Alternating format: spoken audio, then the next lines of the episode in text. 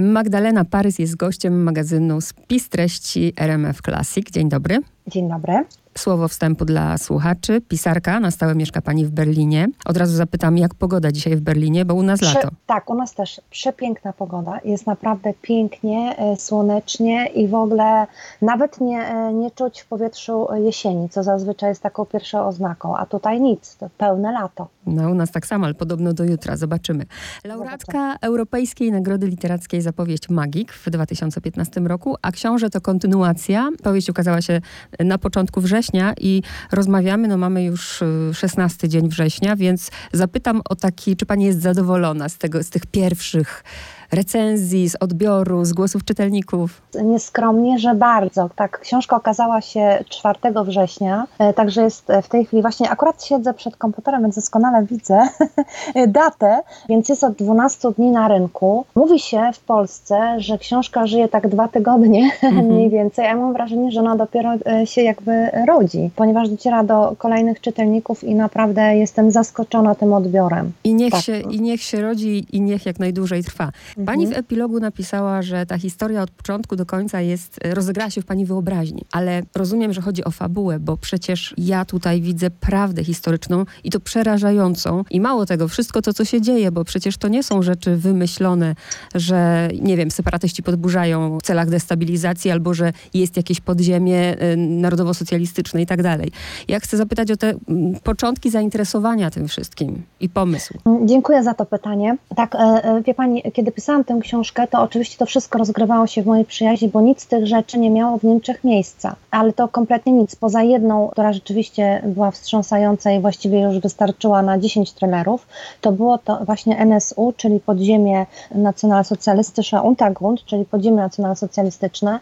Grupa, która w 2011 roku, jak się okazało dopiero w 2011 roku, e, mordowała na zlecenie, właściwie własne zlecenie, kto wie czyje, bo do tej pory nie jest to wszystko wyjaśnione, e, obcokrajowców z nienawiści do obcokrajowców. Czyli zabiła kilkanaście osób, w tym niemiecką policjantkę. Miała zamiar zabić kolejne 100, kto wie jeszcze ile. Miała na swoim e, koncie e, rozboje, rabunki banków, napady. No wszystko właściwie to, co ma na koncie jakaś terrorystyczna grupa, z tą różnicą, że ta była stricte e, radykalnie prawicowa i po prostu zabijała ludzi. No i to oczywiście wstrząsnęło publiczną, znaczy wstrząsnęło Niemcami, opinią publiczną dogłębnie i potem zaległa jakaś taka straszna cisza, taka cisza, kiedy, y, y, która zalega po czymś, gdzie trzeba się z tym uporać, trzeba coś z tym zrobić, trzeba w ogóle nauczyć się na nowo myśleć o tym, że w Niemczech coś takiego jest. I myślę, że ja się wbiłam, czy wstrzeliłam w tę ciszę, ciszę oczywiście w cudzysłowie, cały czas myślałam o tym, jak, jaki znaleźć klucz do tej powieści, jaką e, powieść m- muszę czy chcę napisać, żeby oddać grozę tego, co moim zdaniem już zaczynało się w Niemczech dziać. Dla mnie było jasne jedno, e, ja może tutaj e, wydaję się taką trochę pesymistką, ale jestem całkowicie realistką, że jeśli takie rzeczy się dzieją, to one się nie dzieją dlatego, że e, to wykonuje trzech sprawców, tak jak było pozornie, czy ponoć w przypadku tej organizacji, tylko że w to musi być zamieszanych bardzo, bardzo dużo ludzi. Żeby coś takiego zorganizować, zrobić, to znaczy, że są już takie nastroje separystyczne e, w społeczeństwie, to znaczy, że coś już się zaczyna złego dziać. I w momencie, kiedy nastał e, kryzys uchodźczy w Niemczech, bo tak też powinniśmy go nazwać, i nagle w ciągu dosłownie e, bardzo krótkiego czasu napłynęło ponad milion ludzi do Niemiec, wiedziałam, że to witanie chorągiewkami Niem e, przez Niemców ludzi, które było bardzo życzliwe i pełne współczucia, ale tak naprawdę to się zawsze obraca przeciw tym ludziom, którzy napływają. Jeśli jest ich tak dużo w tak krótkim czasie i nie ma infrastruktury y, y, dla nich odpowiedniej przygotowanej, bo nie ma takiej możliwości, żeby przyjąć z dnia na dzień milion ludzi, to jest po prostu nierealne. Więc zaangażowało się w to bardzo y, społeczeństwo niemieckie. I część się zaangażowała, a część oczywiście znów separatystów, różnych szaleńców zaczęła to wykorzystywać i widzieć w tym szansę, jak można to wykorzystać. No tyle, jeśli chodzi o tło historyczne. Już nie będę mówiła, co się zaraz później zaczęło dziać, czy jakby w, e, w momencie, kiedy w tych ostatnich pięciu latach, bo właściwie ja już nie jestem w stanie tego wymienić, e, opowiedzieć. Tych grup jest tak dużo. Ludzi, którzy są niebezpieczni i nienawidzą obcokrajowców, są tak różnorodne e, i tak niebezpieczne, że właściwie w samej gazecie Der Spiegel przed kilkoma tygodniami reportaż olbrzymi na ten temat zajął 11 stron drobnym maczkiem pisanych i jeszcze ciągle nie wyczerpali tematu. Tu chodzi o radykałów e, w Bundeswehrze, czyli w wojsku i w policji, o I co się dzieje w jednostkach środkach specjalnych, bo też czytałam. Tak, mhm. tak, tak, tak. I o tych wszystkich rzeczach, czyli o tym gromadzeniu broni, tych prywatnych szkoleniach, które sobie urządzają. No jakby odradzaniu się nie tyle nacjonalizmu, ja tutaj była ostrożna, tylko ile faszyzmu. Mhm. I teraz, no tak, no ale mój pomysł zrodził się na tą książkę już e, ponad dekadę, czy prawie dekadę temu, a ja wciąż szukałam dla niej klucza. No i zaczęłam sobie ją pisać gdzieś tak e, w roku, czy myśleć o niej w roku 2015. E, później zaczęłam czyta- pisać inną książkę, bo wydawało mi się, że potrzebuję to jeszcze bardziej gruntownie zbadać, więc zajęłam się taką książkę stricte historyczną, czyli 45 rok, tworzenie się służb specjalnych w Niemczech, jako prequel do jeszcze nie trylogii, która miała jedną część jedyną dopiero i wtedy wydawca trochę i agentka moja potrząsnęli mną i mówią, słuchaj, hej, po jedynce jest dwójka, po dwójce jest trójka, później już zapisała prequile i inne swoje książki. No i uznałam, że może już na tyle wiem, na tyle płynę w tym temacie, jestem na tyle obczytana, obtrzaskana, że mogę ją napisać. I teraz trzeba było dla niej znaleźć formę. No i w trakcie pisania, pisałam ją dość długo, bo tak jak pani powiedziała, że y, mnie nie zależy na pisaniu książki, w której ktoś biegnie, strzela, goni, mm. ktoś ucieka. Takie książki są w ogóle poza moją wyobraźnią i to nie są książki ani te, które czytam, ani te, które sama chciałabym pisać. Ale przyznaję, że postawiłam sobie tę poprzeczkę wysoko, bo chciałam znaleźć na niej łatwą formułę, ale trudny temat i wpakować w nią bardzo dużo informacji, żeby po prostu usatysfakcjonować e, czytelnika. Tak jak na przykład mógłby być się czuć usatysfakcjonowany po trylogii Larsona, Stiga Larsona, mojego mm. ukochanego pisarza. Ja nie mówię o filmach jego, e, na jego tle, chociaż też świetnych, tylko chciałam właśnie napisać e, coś w tym stylu, gdzie po prostu to będzie szło w tym kierunku. Pomyślałam o tym, bo pani mówi, już jest tyle organizacji, jak pani dopiero zaczynała pisać, to tego nie było. Tak samo przecież no, profetyczny można powiedzieć, to od czego pani zaczyna tę książkę, od płonącego na obrzeżach Berlina osiedla Turków, Polaków. Tak, tak, prawda? To jest, ja jestem przerażona mm. i obiecałam e, dziennikarzom, nie tylko polskim, ale też i niemieckim, że zajmę się zupełnie inną tematyką w trzeciej części, bo naprawdę śmieję się, ale to jest -hmm. śmiech trochę taki tragikomiczny. Tak, bo, ja, na, ja nawet się o panią martwię, przyznaję. Wie pani, taki moment jest, kiedy e, słucham, słucham takiego podcastu takich dwóch Niemców, no mieszkam w Berlinie, więc obracam się oczywiście bardzo mocno w tych realiach niemieckich i słucham takiego niemieckiego e, e, podcastu Fest und Flauschig parę tygodni temu, a tam jeden z moich ulubionych podcastowiczów opowiada o tym, jak jedzie sobie metrem i nagle, jak za czasów RAF, widzi zdjęcia kogoś, kto jest poszukiwany. A że jest mniej więcej w moim wieku, e, no to właściwie my praktycznie nie mamy szans pamiętać tych poszukiwanych RAF. My to znamy tylko z dokumentacji. To jest, mhm. przypomnę dla czytelników czy słuchaczy, że organizacja RAF to organizacja e, znowu lewicowych e, radykałów, którzy po prostu po 1968 roku jakby zagarnęli totalnie Niemcy i wstrząsali bez przerwy coraz to jakimiś wybuchami, szantażami, morderstwami, uprowadzaniem polityków. No po prostu ta historia niemiecka jest niezwykle bogata, jeśli chodzi o coś takiego i można z niej czerpać garściami, tylko trzeba po prostu ją trochę poznać. Mhm. No i też o niej trochę pisze w tej książce. E, no i teraz on opowiada, że jedzie metrem i widzi te zdjęcia. I nagle mi się słabo zrobiło, bo takich zdjęć już od bardzo dawna nie ma w Niemczech. A w mojej książce też jest taki moment, to jest taki szczegół z tej książki, mm -hmm. że tam też się te zdjęcia pojawiają. Ja specjalnie, jak pani widzi, wybrałam tylko mm -hmm. taki niewinny szczegół, poszukiwanie zdjęcia. Nie, nie mówię mm -hmm. o mhm. innych rzeczach, które się dzieją i niestety wydarzyły potem. Tak, jak pani powiedziała, właśnie w księciu jesteśmy w faszyzmie i to jest w ogóle taka lekcja historii, przypomnienie, bo bardzo często, jak słyszymy faszyzm, to jednak ludzie, którzy no, nie interesują się jakoś historią, to od razu faszyzm Niemcy. Tu trzeba podkreślić, faszyzm narodził się e, we Włoszech, ale też ciekawi mnie bardzo, bo Max fascynuje się okultyzmem, mitologią nordycką. To rzeczywiście bardzo przypomina zainteresowania nazistów właśnie. Mhm. Akurat niedawno przeczytałam książkę o żonach nazistów, więc w tematyce no, jestem. Książka. Tak, tak. I chciałam zapytać, czy właśnie te, te jego fascynacje, to odwzorowanie którejś z historycznych postaci Himmlera, czy... Ja myślę, że to się stało intuicyjnie. Ja się naczytałam tylu książek. Mieszkam w Berlinie od 12 roku życia. W Berlinie, w mieście, jak sama pisze w książce, y, której historia stała się marką. Także urodziły się tu moje dzieci. Tu skończyłam szkołę, tu skończyłam studia. W związku z tym y, ja jestem przesiąknięta tą historią i niestety też Hitlerem, jak każdy Niemiec. On nie mówi tego na głos, mm. ale wciąż żyje tą przeszłością i to nie w sensie takim właśnie jak dzisiaj, e, że powstający z kolan faszyści, e, tylko bardziej historią w sensie edukacją. Jest tak wyedukowany, on wszystko o tym wie. W sensie, że nauczył się tego w szkole, e, że jako przestrogę dostał to na całe życie i Niemcy doskonale doskonale zdają sobie sprawę z tego, co zrobili ich przodkowie i naprawdę no, drżą na sam mm, dźwięk nazwiska Hitler. Mhm. Wyrażenia Hitler. I teraz, kiedy mówimy o tym, no to wydaje mi się, że ten okultyzm, ta, ta, ta, to umiłowanie do tej całej teatrologii, nawet nie do teatru, tylko teatrologii, która tworzy tego szaleńca, to czemu on jakby składa ofiary, bo myślę, że tyle możemy powiedzieć, tak. nie zdradzimy za dużo, e, no e, to chyba, ja nawet się nad tym nie zastanawiałam, to było jasne, że on musi coś takiego robić, ale musiałam znaleźć dla tego kogoś, dla tego szaleńca mojego tytułowego księcia, taką formułę, która nie będzie powtórzeniem tego, co znamy i tak z hitleryzmu. Mhm. Bo tak naprawdę ci, którzy prowadzili wojnę, to oni nie składali żadnych ofiar, e, nie wiem, sagom nordyckim e, czy Odynowi. Rzeczywiście Himmler był wielkim szaleńcem, ale, Himmler, e, ale Hitler sam z tego się naśmiewał. On był mimo wszystko może nie najlepszym później z czasem w trakcie wojny, ale jednak strategiem. On nie pochwalał tego, co robił Himmler. Po prostu w tak wielkiej organizacji ludzi zawsze znalazło się paru szaleńców, którym chętnie na tym wartburskim e, zamku przypisowano jakieś siły sprawcze i jest taka teoria spiskowa, doskonale ją znam, ale staram się od niej uciec i stworzyć jednak to trochę inaczej, żeby nie było tak, że ja się tutaj na tym wzoruję całkowicie, a, a czy tam spisuję.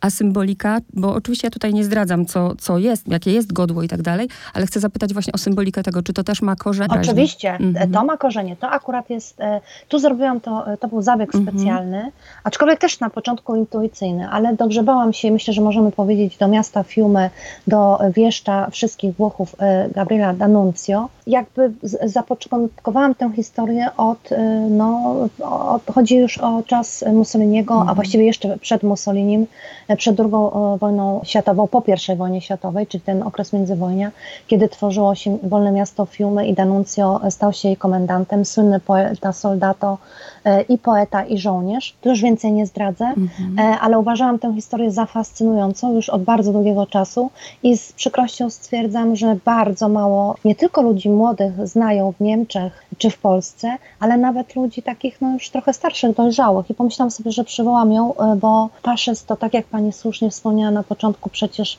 nie historia Niemiec, bo, bo oczywiście że Niemiec, ale to nie Hitler to stworzył. Mm. Hitler był zafascynowany Mussolinim, a Mussolini był zafascynowany Danuncją. I tak naprawdę wszystko zaczęło się od Danuncją. Nie wiem, może dlatego, że ja taka strachliwa jestem, ale, ale to też chyba, chyba też jestem pesymistką w tej kwestii, bo obserwuję, co się dzieje na świecie i i ta książka, no, chciałabym, żeby to wszystko się nie wydarzyło, ale patrząc na to, co się dzieje na świecie, to jest to wysoce prawdopodobne. E, no ale, ale bądźmy spokojne, mhm. dlatego że e, świat, tak jakby się, czytając te książki, Jezu, mówię jak jakiś taki starzec, w ogóle nie chciałabym sobie przypisywać w żadnym wypadku takiej roli, ja mam w ogóle takie dość duże szczęście, że po napisaniu książki natychmiast ją zapominam i wchodzę w zupełnie nowy temat, jeszcze bardziej przerażający czy wstrząsający, wymagający jakiejś większej i zawsze zamykam ten temat. A tutaj oczywiście jakby w trakcie promocji tej książki i tego, że ona tak intensywnie żyje na rynku, nie mam tej szansy, bo ciągle wracam, wracam do tego faszyzmu. Ale powiem tak, że świat ma to do siebie, że nas bez przerwy zaskakuje czymś, czego w ogóle się nie spodziewamy. Żyjemy w jakimś takim niezwykle dynamicznym okresie i jeśli ktoś rok temu by nam powiedział coś o jakiejś -hmm. pandemii, to byśmy go po prostu wyśmiali. Powiedzieli, no dobra, oczywiście, zobacz, tyle ich było i żadna nie okazała się jakoś specjalnie e, dla nas niebezpieczna, posunęliśmy się już tak bardzo daleko i tak dalej.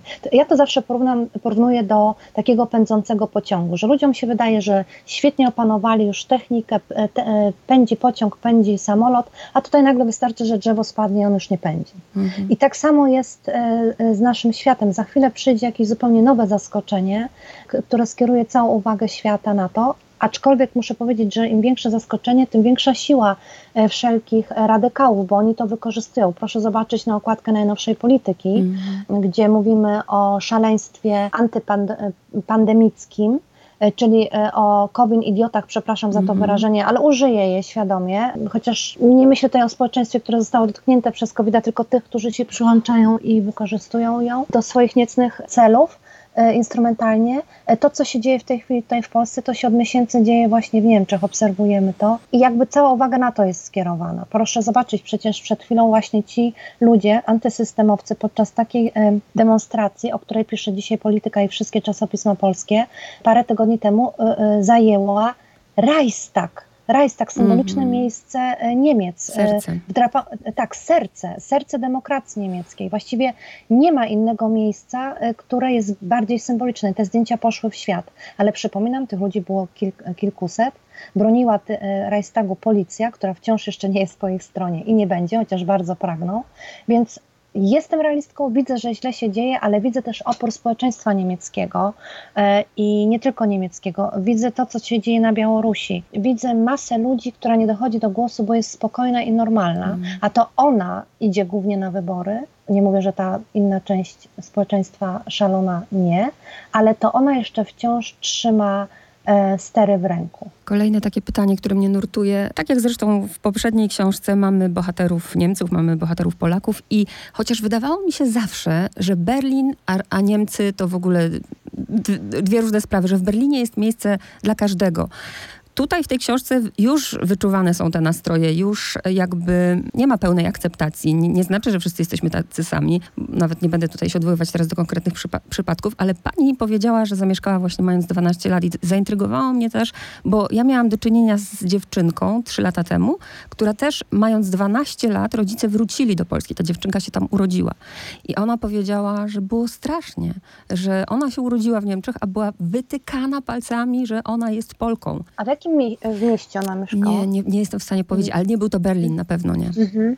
To znaczy, to jest jakiś naprawdę odosobniony przypadek. Ja nie chcę tutaj e, bronić Niemców, że to e, jest e, jakby całkiem, całkiem nietypowe, ale bardzo rzadko słyszę o takich przypadkach. Mój syn, który ma polskie nazwisko, urodził się w Niemczech, ale wiadomo, że y, mówi po polsku świetnie, tak samo jak moja córka, która urodziła się y, w Niemczech i wszyscy wiedzą też, że jej y, mama pochodzi z Polski, bo tata jest Niemcem.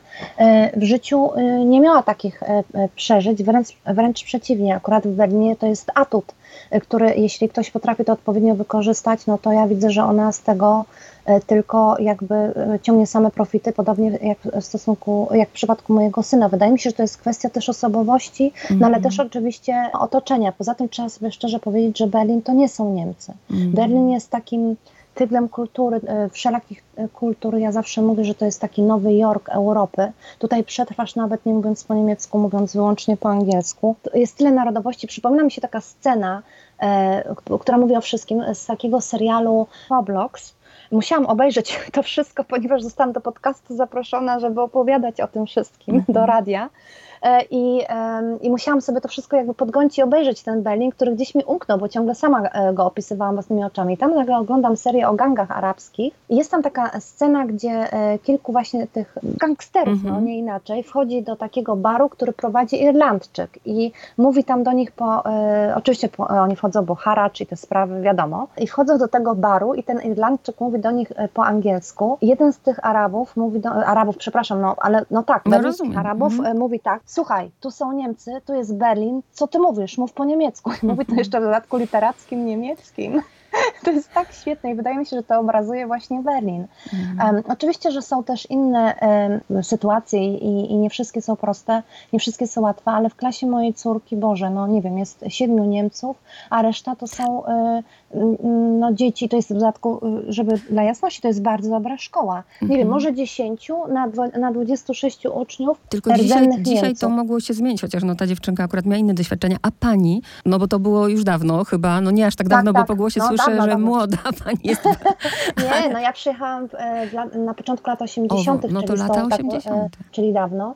E, z tą napływową, jakby to ją nazwać, no tak, z, z tą taką emigracją mm -hmm. solidarnościową, mm -hmm. gdzie po prostu ludzie emigrowali nie tak jak pod koniec lat 80., głównie z powodów ekonomicznych, tylko to były bilety wilcze mm -hmm. bez powrotu i często takie decyzje, no po prostu no, polityczne. A tam dla Pani było łatwo właśnie, czy, czy spotykała I, się z Pani z takim? I ja powiem tak, ja, ja znalazłam się w szkole, fantastycznej szkole, zresztą do tej szkoły też chodził później mój syn, ma się nazywa Gustav Heinemann Schule, znajduje się na Marienfelde, od razu mówię, bo później dostaję pełno pytań, co to za szkoła i w dalszym ciągu jest fantastyczną szkołą, nic się nie zmieniła, na niezwykle wysokim poziomie i ze wspaniałymi nauczycielami, którzy zawsze bardzo dbali o, e, o różnorodność tych uczniów, nawet już w tamtym czasie. Bardzo ciężko się jest do tej tej szkoły dostać, ale ja miałam jakoś tyle szczęścia i e, Polacy, którzy wtedy przyjechali, no to był taki konkurs świadectw. Przyjmowano tych e, no, dość dobrych uczniów, czy tych, którzy wywali na dyrektorze wówczas dobre wrażenie i tam były założone takie klasy dla obcokrajowców. My przez kilka miesięcy, niektórzy dłużej, niektórzy krócej byli w tych klasach i później już na głęboką wodę byli przenoszeni do niemieckich klas. Ja trafiłam do klasy, gdzie byli głównie tylko Niemcy, E, właściwie pewnie, że znalazł się ten czy ów, który nie za bardzo e, mnie lubił. No, przypominam sobie takiego jednego, szczególnie Martina, który uważał, że Polacy zabierają pracę mhm. jego rodzicom i tak dalej. To był bardzo E, dobry uczeń, wysoko w tej hierarchii szkolnej postawiony, bo jego rodzice byli niezwykle zamożni. On, e, więc nie wiem skąd te e, podejrzenia, że Polak, który ledwo mówi po niemiecku, od razu mógłby zabrać pracę jego rodzicom, no ale okej. Okay. Ale to też szybko ucichło, dlatego że w tej klasie i zarówno moi uczniowie, współuczniowie, koleżanki, koledzy w ogóle tacy nie byli, a też nie byli tacy nauczyciele, wręcz przeciwnie. Oni zawsze widzieli we mnie więcej niż ja w sobie i dodawali mi otuchy. Ja bardzo szybko się w tej szkole zintegrowałam i to to e, wspominam ją wspaniale. Ja nawet w pewnym sensie poświęciłam tej szkole moją debiutancką e, e, książkę, dlatego napisałam ją po polsku, a nie po niemiecku, bo obawiałam się, że może kogoś mogę urazić, bo mhm. wiadomo jak to jest w literaturze, no nie zawsze będziesz pisała o wszystkim dobrze, a tych paru bohaterów było tak ciekawych, że tam jest zlepek pełno moich nauczycieli szkolnych, mm. którym bardzo dużo zawdzięczam, właściwie wszystko. Światopogląd i, i to, że właściwie ten wyjazd dla mnie i dla moich rodziców to były same dary. E, nie było lekko, bo emigracja zawsze jest trudna, zawsze jest ciężka, ale ona może być też sukcesem. Też sukces pani rodziców, tak myślę, bo znam mnóstwo ludzi, którzy wyemigrowali właśnie w tamtych latach i to są y, ludzie, którzy bardzo szybko chcieli zapomnieć język polski, a pani mówi przepięknie. O, dziękuję bardzo, a to zawdzięczam w dużym stopniu mojej mamie, która po prostu od początku, ja wyjechałam z młodszym bratem, on miał 3 lata, też mówi świetnie po polsku, dzisiaj swojego małego synka uczy też y, języka polskiego nie najlepiej to wygląda, bo mój brat mówi takim trochę dziecięcym językiem polskim, ale myślę, że to też ma bardzo e, dużo e, wspólnego z tym, że nasza mama do niczego nas tak naprawdę nie zmuszała. Oczywiście, że trzeba było przerabiać elementarz z, z moim bratem i że starała się to robić, ale nigdy nie posyłała mnie do jakiejś szkoły polskiej, czyli po prostu moja mama bardzo dużo czytała. Ona była zawsze z książkami, otoczona książkami polskimi, niemieckimi, wszelakimi. W domu rozmawialiśmy po polsku i ja właściwie, moja cała rodzina została w Polsce, w Gdańsku i trochę w, Szcze w Szczecinie. W związku z tym ta tęsknota za Polską była bardzo duża początkowo i ja nigdy nie zerwałam tych kontaktów, a po upadku muru, pierwsze co zrobiłam, to zapisałam się, czy wystartowałam w takim konkursie e, wtedy, e, no bo tak to wyglądało, to były konkursy świadectw, na Uniwersytet Humboldtów w Berlinie Wschodnim, czyli mhm. właściwie całą młodzieńczość, dzieciństwo późniejsze spędziłam w Berlinie Zachodnim, za murem, ale jak mur padł i zdałam maturę, to moja ciekawość była tak wielka, E, że chciałam pójść właśnie tam, na ten uniwersytet, gdzie jeszcze przed chwilą, prawda, uczono nauki Karla Marksa i te sprawy, mm. czyli coś, co jest bardzo podobne do Polski, ale Polskę znałam, a chciałam poznać te Niemcy. No oczywiście tam już byli zupełnie inni nauczyciele, e, dokonała się zmiana totalna i wymiana, ale chciałam być w tych murach. E, bo to wspaniały uniwersytet i wszystkich bardzo zapraszam do odwiedzenia go, bo to jest też e, jedno z najpiękniejszych miejsc e, berlińskich, tam gdzie się znajduje Uniwersytet Humboldta i, i, i ten plac, który opisuję w książce. Mm -hmm. Ja jeszcze, jeszcze trzy kwestie palące. Mam wrażenie też, no raczej mam wrażenie, jestem pewna, że tu nic nie jest przypadkowe w tej książce, wszystkie dopracowane i dobrane cytaty z Ewangelii, ale obrazy mnie interesują. Każdy rozdział mamy obraz, mamy historię tego obrazu i wszystkie te obrazy, prawda, to są albo zaginione, albo wywiezione wywiezione, to po to, żeby pokazać skalę? Albo tak. E, wie Pani co, kiedyś oglądałam taki program, gdzie rzeźbiarz, gdzie pokazano przepiękną rzeźbę, normalnie widz stworz naszych czasów, coś niesamowitego. I tak sobie się zachwycałam tą, to, to już jest wiele, wiele lat temu i tam nagle do tej rzeźby cudownej, którą nawet postanowiłam pojechać i zobaczyć, podszedł no, wykonawca, no, artysta tego dzieła i zaczął opowiadać wszystko. Jak tu zrobił, gdzie tam pukał, gdzie tam stuknął i w ogóle dlaczego i tak dalej. Pod koniec myślałam sobie, nigdzie nie jadę, ta rzeźba mi się w ogóle nie podoba. Opowiedział mi wszystko, zabrał mi całą wyobraźnię i cały, całą rozkosz smakowania tej rzeźby. Dlatego ja chyba o tych obrazach nic nie powiem. Więc poza, dobrze, e, dobrze. Tak, bo wydaje Trochę mi się, że to aż jest, serce tak. ściskało, że nie, nie ma ich w kolorze, nie? Ale można tak, dotrzeć tak. Do, do... Ale tak. tak, aczkolwiek na przykład jest tam jeden obraz i to chyba najważniejszy z nich wszystkich, bo chyba możemy zdradzić Wyczółkowskiego. Mhm. Znaczy, nie, najważniejszy w sensie wartościowym, czy, czy, rozumiem, czy rozumiem. tak, tylko dla powieści. I tutaj miałyśmy y, z moją panią ekspertką, cudowną y, Anną Klat Quinkenstein, żoną słynnego tłumacza, który tłumaczy książki naszej Olgi Tokarczuk-Noblistki na niemiecki mm -hmm. i też jest moim tłumaczem, takie mam, tyle mam szczęścia, to ona i my miałyśmy, znaczy ja miałam kłopot i musiałam do niej wielokrotnie wydzwaniać, ona jest ekspertką, nauko, e, naukowcem, naukowczynią, która się zajmuje właśnie i pisze o tym wspaniałą książkę, rozprawkę o tych ukradzionych dziełach. Mm -hmm. I, I ona musiała też trochę poszperać, poszukać, jak naprawdę on wyglądał, jakie to były kolory, bo proszę pamiętać, że te e, obrazy są zaginione, no tak. więc my możemy tylko, a, a, zdjęcia, które mamy, pochodzą sprzed II wojny światowej, więc często one są czarno-białe i tylko możemy polegać na jakichś opisach, a wiadomo, jak są naukowcy, nie zawsze do końca na nich polegają, mhm. więc, więc tu ciężko by było pokazać je w, obra- w kolorze. I też słuchaczom od razu polecam, żeby nie robić tak, zerknięcie na zdjęcie i idę rozdział siódmy, albo zrobić sobie po prostu dwa czytania. Jedno czytanie i drugie oglądanie, bo to za szybko, tak, jakby to, tak, to jednak tak. trzeba się na tym zatrzymać. No i forma, bo ja lubię, kiedy się nie nudzę, a pani tutaj wymaga wysiłku, bo mamy i retrospekcję, i prawda, trzy miesiące wcześniej dzień, i dokładne godziny, ale też bardzo ciekawy zabieg, pokazywanie tej samej sytuacji z różnych perspektyw. Tak, uwielbiam takie pisanie i o, takie pisanie jest jakby chyba wpisane mi w naturę, nie wiem, tak jakoś się stało tak samo, ja lubię szufladkowe powieści i właściwie takie powieści najprościej się pisze, chociaż oczywiście zawsze się trudno pisze powieść, a należy do tych pisarek, które głową się męczą, po prostu żadne zdanie się jej nie podoba, w ogóle nic jej się nie podoba i najchętniej by chciała rzucić to. Ja nie lubię żadnej z moich książek, tylko aktualnie po wydaniu tę jedną, a potem staje się taką matką macochą i już y, y, liczy się tylko ta nowa, więc mam zawsze bardzo wiele pomysłów, e, co można poprawić, co można zrobić lepiej, ale ta forma jest e, jakby wpisana mi. No, e, ona jest fantastyczna, ponieważ co tu dużo mówić, ja mam zawsze bardzo dużo bohaterów. Ci drugoplanowi są niejednokrotnie, okazują się pierwszoplanowi to się zmienia. Chociaż oczywiście mamy głównych bohaterów, no nie, niewątpliwie mamy tutaj dwóch, trzech e, bohaterów, a ci inni są takimi posiłkowymi, ale trzeba ich jakoś pokazać. Ja nie potrafię opisać jakiegoś protagonisty i zostawić go z tym, że on ma na przykład tylko blond włosy i niebieskie oczy. To jest za mało. Ja muszę cały background pokazać. On nie może być e, plastikowy, to znaczy mnie on się nie może wydawać plastikowy. On hmm. musi być taki, żebym ja pod koniec tej książki była przekonana, że on wyjdzie za rogu. Tak jak mój tłumacz Quinkenstein, wspaniały lot Lotar, e, kiedy kończył tłumaczenie Magika, mówił, że za każdym razem wydawało mu się, bo mieszkał w tej samej dzielnicy, gdzie moi główni bohaterowie, na Neukölln, że tam dosłownie za rogu zaraz na rowerze Kowalski, komisarz Kowalski wyjedzie. Mhm. I to jest mój cel. Tak, tak to ma być. I sam faszyzm, samo opisanie tego fenomenu i tak dalej, to był temat, oczywiście, że to był temat ważny, ale dużo ważniejsi byli dla mnie, no najważniejsi byli dla mnie bohaterowie. bohaterowie no. Oczywiście. Tak.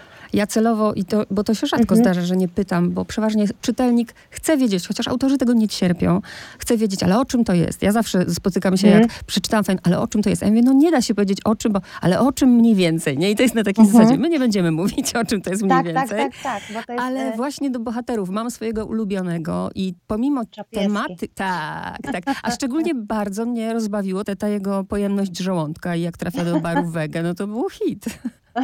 No e, tak, on, on, ja go po prostu bardzo, bardzo lubię i on się pisze sam. No Czapieski od początku się pisał sam, wiele, wie, wiele, wiele razy, ponieważ ta książka została przetłumaczona na kilkanaście języków, więc e, pierwsza część. Mhm. W związku z tym jeździłam po Europie, szczególnie dużo jeździłam po Francji. To było cudowne, e, jak Francuzi odbierają tę, odebrali tę, tę powieść, tak samo jak z tunelem i oni lubią jakby rozmawiać o autorze tej książki, tylko oni kochają rozmowy o postaciach. I to było cudowne obserwować, jak wszyscy lubią tego Czapieskiego, mm -hmm. czy tak jak w tunelu Gerharda. I dla autora to jest coś wspaniałego, bo nie musisz mówić o treści książki, tylko możesz opowiadać o tym bohaterze. I wielu właśnie dziennikarzy i czytelników twierdziło, że ja sobie skądś musiałam wziąć tego człowieka, gdzieś go widziałam, skądś go przetransportowałam i wsadziłam do tej powieści. No właśnie wydaje mi się, że jeśli e, jak, jakaś postać książkowa ma swój prototyp, to, ona, to nie najlepiej to na zdrowie wychodzi. -hmm. Dobrze, żeby ona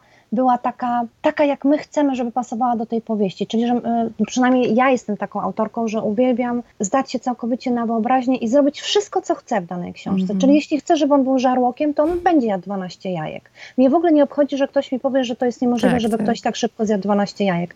To jest możliwe, bo Czapieski je zjada. Y, I, I koniec. I tam są dwie kostki masła w tym i tylko wtedy mu to smakuje. I kiedy raz już się coś takiego napisze, to później to już płynie, bo on po prostu zawsze jest głodny w mm -hmm. najmniej odpowiednich momentach momentach. Tak samo nie będę pytać y, o pani ulubionego bohatera, każdy, bo tutaj się po prostu... A dlaczego? Ja powiem. Tak? No, tak, oczywiście ja mam no, ulubionego no bohatera. To, to, to ja uwielbiam Paula.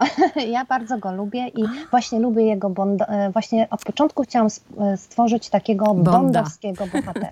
Ale wie pani, tak. chciałam zapytać właśnie a propos Pola, bo gdyby, nie wiem, czy się pani nad tym kiedykolwiek zastanawiała, jakby był film, to kogo by pani jakby miała możliwość obsadzić w roli Pola? Kto by to był? Kurczę, z tym jest olbrzymi problem, bo on jest tak piękny, no tak bezczelnie, tak, on jest tak bezczelnie piękny, a przy tym wszystkim nie jest denerwująco piękny, bo to też jest bardzo ważne, e, że przyznam się szczerze, że tak jak wszystkich ich widzę, no tak, właśnie, ja e, też go e, nie widzę. I, tak, tak, tak, chcę go zobaczyć i próbuję wsadzać tam różnych aktorów, nawet z Bonda i nikt mi nie pasuje.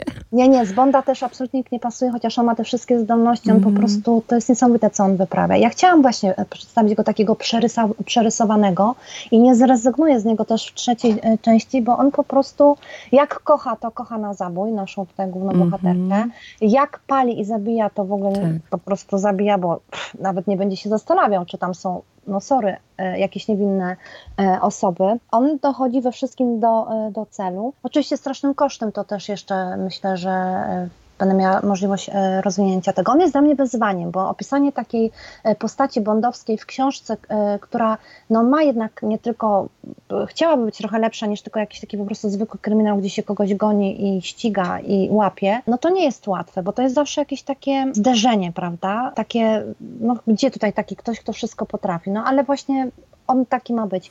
I nie znam odpowiedzi na to pytanie, kto mógłby mm -hmm. go mhm. zagrać. To znaczy, ja wiem, że ta odpowiedź przyjdzie. Mi się wydaje, że to y, nawet George Clooney y, nie, nie A wie pani, że o nim właśnie, jeżeli już myślałam, to mówię George Clooney, ale niesamowite. Czyli coś w tym mm -hmm. jest. Tak, tak, to już musi być taki Bo to już w tę stronę absolut... idziemy takiego pięknej buzi, a jednocześnie, bo to też trzeba umieć y, zrobić na przykład, tak. zmienić mimikę w jednej sekundzie. Tak, tak i stać on. się na przykład wręcz kimś brzydkim, mm -hmm. albo aż tak złym, prawda? Mhm danym momencie. Bo to przecież nie jest tylko szklana e, postać, która walczy za tym, żeby było dobrze. A Dagmara z kolei, to, to, to mój odbiór, że ja lubię silne babki, ale dla mnie Dagmara tylko pozornie jest silna, a tak naprawdę tak. wydaje mi się bardzo nieszczęśliwa jednak i samotna. Tak, ona jest bardzo nieszczęśliwa. Mm -hmm. Tak, Dagmara właśnie bardzo się cieszę, że pani o tym wspomina, bo też taki był mój zamiar gdzieś tam e, pod koniec. To nie jest prosta e, postać, mm -hmm. w sensie ona ma na pewno bardzo silną osobowość i ja ją za to jakoś w pewnym sensie podziwiam. Pewnie taka chciałabym być jak ona, że jak mhm. zawodowo, że jak dąży, to po prostu też po trupach. Tak. To jest jakby trochę odpowiednik Paula, bo przecież Paul tak, też tak, nie jest tak, tak. szczęśliwy. Jako w tym swoim życiu. Oni obydwoje życia nie mają, oni mają tylko swój zawód i spotykają nagle siebie. W każdym razie wydaje mi się, że łatwiej byłoby mi znaleźć jednak kogoś, e, kto mógłby zagrać i od początku mam prototyp e, młoda Sharon Stone to jest właśnie mm -hmm. Dagmara. Ona jest taka właśnie jak Sharon Stone, tylko trochę niższa, ale zawsze udaje, że jest taka wysoka jak ona. Strasznie pewna siebie, wręcz bezczelna. Wszystkim się wydaje, że ona po prostu jest nie wiadomo jaka, właśnie taka silna, a w rzeczywistości mm -hmm. przecież ona marzy po prostu, po prostu marzy o domu, prawda? O miłości, tak. Na koniec, no bo muszę zapytać, jak żeby inaczej, e, kiedy kolejnej części się możemy spodziewać? Wiem, że dopiero ta wyszła. ale y, też fajnie, że pani pyta, bo ja myślałam sobie, że zrobię sobie taki odpoczynek, tak sobie odpocznę, ale w naszym kraju i nie tylko w naszym kraju, w Europie mnożą się nasi panowie mrozowie, i, e, że tak powiem, niezwykle szybko piszący powieści, bardzo szybko piszący te powieści. I tak sobie pomyślałam, kurczę, a dlaczego ja mam teraz odpoczywać, skoro mnie tak już bardzo ciągnie, żeby to opisać? Jeszcze muszę znaleźć do tego wszystkiego, e, e, na to wszystko słowa. To znaczy, nie mogę od razu rzucić się w kolejną powieść, e, bo tematy mam dwa i muszę się zdecydować, czy pójdę tą ścieżką, czy tą ścieżką. Znaczy, jestem taką, takim kimś, że zawsze mam bardzo dużo do wyboru tematów. Mi nigdy nie brakuje tematów, które mam do opisania. Tutaj stoję przed taką zagwozdką, ponieważ ten temat, który, na który się zdecyduje, chyba zdecyduje, a nawet na pewno zdecyduje, to co Dagmara teraz będzie miała do rozwiązania, to jest tak trudny temat, że nie wiem, czy mój wydawca w ogóle się zgodzi, e, bo to już jest bardzo grube. To już o. jest bardzo. Ja sama teraz naprawdę się boję tego. A myślę o tym też od 10 lat. Ale może już dojrzałam do tego, żeby jakoś to napisać. Zobaczymy. Aż mnie zżera ciekawość. Bardzo dziękuję za tę rozmowę i już w takim razie zapraszam na kolejną, jak wyjdzie trzecia część. Dziękuję, dziękuję bardzo. bardzo.